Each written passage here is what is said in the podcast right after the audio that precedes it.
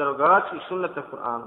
Većina islamskih učenjaka je na stanovištu da je dozvoljena takva derogacija, to jest da sunnet može biti derogiran Kur'anom. I zato postoji mnogi primjer. Prvi primjer je slučaj kada su muslimani učinili hijđru u Medinu i nekoliko mjeseci, neki navode da je to 16 mjeseci, okretali su se u namazu prema samu, prema kuću, prema Bejtul Maktisu. Međutim, u Kur'anu nemamo nigdje ajet gdje naređuje da se muslimani okreću prema Bejtu Maktisu. Znači, to je moglo biti samo sunnetom, naravno. Samo sunnetom poslanika, sallallahu alaihi sallam.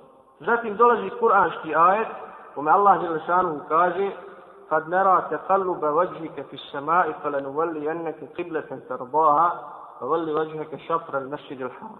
Kaže Allah je lešanu, mi vidimo kako okrećeš svoje lice prema nebu.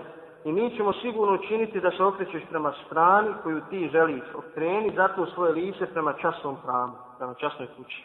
Znači, poslanik sa selam je iščekivao da Allah Đelešanu objavu da, da se promijeni kibla. Pa zato kaže, mi vidimo kako ti svoje lice okrećeš prema nebu, iščekivao je objavu. Kaže, i mi ćemo sigurno učiniti da se okrećeš prema strani koju ti voliš. Jer poslanik sa selam težio pa da se, da se kibla, da se kibla ovaj, promijeni prema kabi. Kaže, zato okreni svoje lice prema časnom pravu. Ovo je kuranski ajet, derodirao je sunnet poslanika sa selema, to je bilo okretanje prema šamu. Znači, ovo je dokaz da, da Kur'an može derogirati sunnet. Također, primjer ugovora na Hudejbiji. Ugovor na Hudejbiji koji je bio između jeli, muslimana i mušrika, u njemu je se navodilo da svaki musliman koji primi islam u Mekke i koji želi da dođe u Medinu da učini hijđru, muslimani su ga morali vratiti. Takav je bio dogovor. Morali su ga vratiti u Meku. Međutim, Allah Đelešanuhu svoje neizmjene milosti derogira ajet kada su u pitanju žene same. Derogira ajet kada su u pitanju žene. Kaže, uzvišen Allah Đelešanuhu, Ja juhledine amanu ida ja'akumul mu'minat, mu'minatu, muhađeratum femtahinuhun. Allahu a'lam bi imanihim. Fa in alimtumuhunna mu'minatin fala tarđuhunna ila al-kuffar.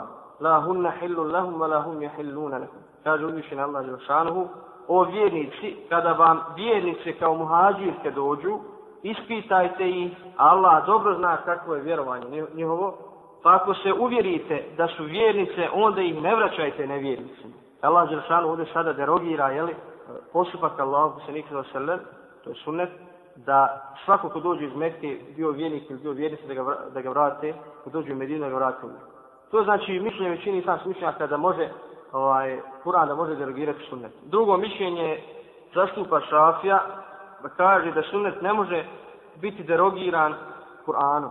Da sunnet ne može biti derogiran Kur'anom, nego samo sunnetom. Znači sunnet može biti derogiran samo sunnetom. To je mišljenje Šafije.